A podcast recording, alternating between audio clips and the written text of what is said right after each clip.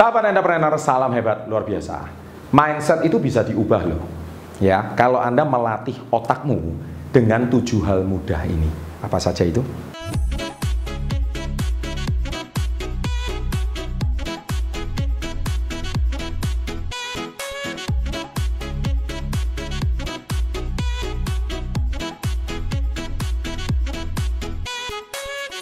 Oke, sahabat entrepreneur. Jadi sebetulnya setiap manusia itu nonsens kalau nggak bisa mengubah mindsetnya. Jadi kita tahu bahwa mindset itu segalanya. Kalau Anda hari ini mau jadi apa pun, ya milikilah mindset orang yang Anda idolakan. Kalau Anda ingin menjadi seorang pebasket terkenal ya, milikilah mindsetnya Michael Jordan atau LeBron James zaman sekarang. Kalau Anda ingin menjadi pemain bola terkenal ya, miliknya mindset Cristiano Ronaldo.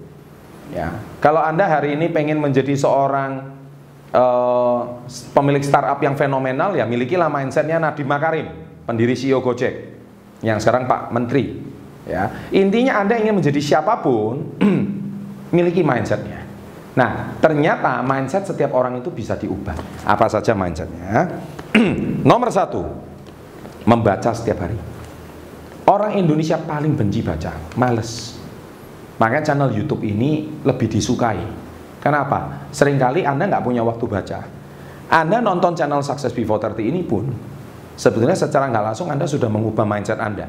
Maya tulis di kolom komen sekarang juga tulis, mindset saya sedang berubah setelah menonton channel Success Before 30. Tuliskan nama, usia, dan asal kota Anda. Mindset saya sedang berubah setelah menonton channel Success Before 30. Nah ini penting sekali. Dengan Anda menulis seperti itu, Anda komit pada diri Anda, tulis itu di menit berapa, Anda komit sama diri Anda kalau Anda memang mau melatih mindset Anda dan melatih otak Anda dengan lebih baik. Jadi hindari yang namanya membaca isu hoax, isu panas, infotainment. Menurut saya channel-channel seperti itu hanya memuaskan EQ, emosi sesaat, tapi tidak menambah uh, wawasan Anda atau kecerdasan otak Anda. Ya. ya, jadi kecerdasan otak Anda itu harus diberikan daging-daging atau makanan-makanan yang bergizi seperti di channel Success Before 30 daripada makanan-makanan ringan yang ya, ujung-ujungnya sampah gitu. Ya. Nah, itu yang pertama. Yang kedua, tulislah idemu. Jadi Anda punya handphone itu jangan cuma diisi video-video yang nggak jelas, tapi setiap ada ide apa tulis. Setiap ada ide apa tulis. Entah itu di Evernote atau di aplikasi apa, Samsung Note kayak atau apalah, atau handphone Anda mereknya apa, tulis itu di aplikasinya. Sehingga setiap ada ide Anda catat. Tiga, keluarlah dari zona nyaman. Pak, zona nyaman itu apa sih? Zona nyaman itu zona kebiasaan. Anda terbiasa apa, yaitu zona nyaman Anda. Anda biasa makan pakai tangan kanan, sekarang dirubah tangan kiri, nggak enak kan? Nah itu keluar dari zona nyaman. Anda hari ini biasa naik motor, tiba-tiba harus jalan kaki, itu keluar dari zona nyaman. Anda biasa datang terlambat, sekarang datang 10 menit lebih awal, itu keluar dari zona nyaman. Anda terbiasa tidur malam, sekarang tidur lebih awal, bangun lebih pagi, itu keluar dari zona nyaman. Singkat cerita, keluar dari zona kebiasaan Anda. Ketika Anda sudah keluar dari zona kebiasaan Anda, otomatis itu keluar dari zona nyaman. Empat, biasakan sifat konsisten dan persisten. Jadi ketika Anda sudah berubah, biasakan mengerjakan sesuatu itu disiplin hariannya ada. Nggak usah jauh-jauh deh.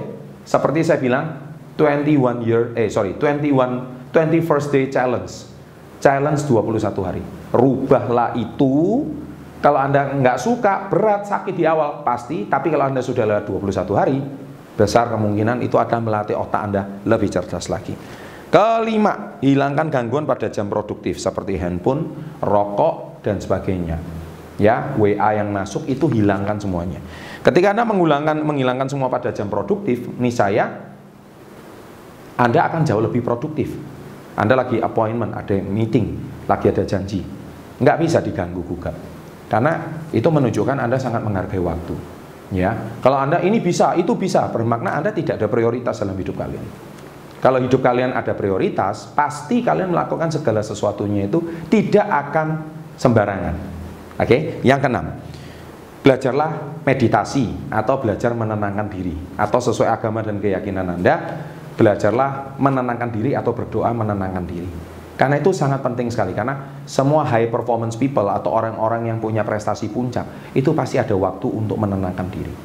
Kalau tidak otak kita bisa masalah. Tapi dengan demikian Anda luar biasa. Tapi orang Indonesia kayaknya eh, terutama netizen kayaknya untuk kebiasaan yang keenam ini bukan meditasi ya kayaknya ya.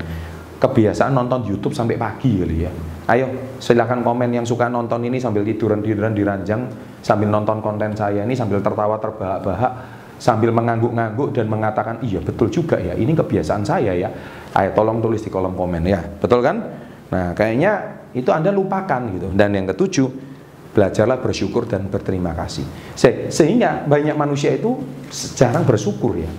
Adanya menuntut, marah-marah, tapi sekarang mulailah belajar bersyukur dan belajar berterima kasih karena selama ini Anda jarang berterima kasih. Anda mungkin selama ini kalau diberikan sesuatu Anda bukannya terima kasih tapi malah ya sudah seharusnya demikian. Sekecil apa pun bantuan orang lain, entah Anda itu cuma diberikan kopi atau diberikan minum, biasakan ucapkan terima kasih. Meskipun itu hak kalian. Kalau digaji, bukannya thank you sama bosnya, tapi ya sudah seharusnya ini kan gaji yang harus saya terima. Nggak bisa. Ketika gajian masuk, ucapkan thank you bos, terima kasih pak. Karena saya sudah diberikan pekerjaan, saya sudah diberikan gaji. Biasakan, itu akan mengubah habit kalian menjadi pribadi yang lebih positif. Oke, mau mencoba? Percaya, mindset Anda pasti akan berubah. Jangan lupa, ada dua video di sini silahkan ditonton. Share video-video positif seperti ini. Saya jamin nasib Anda akan berubah.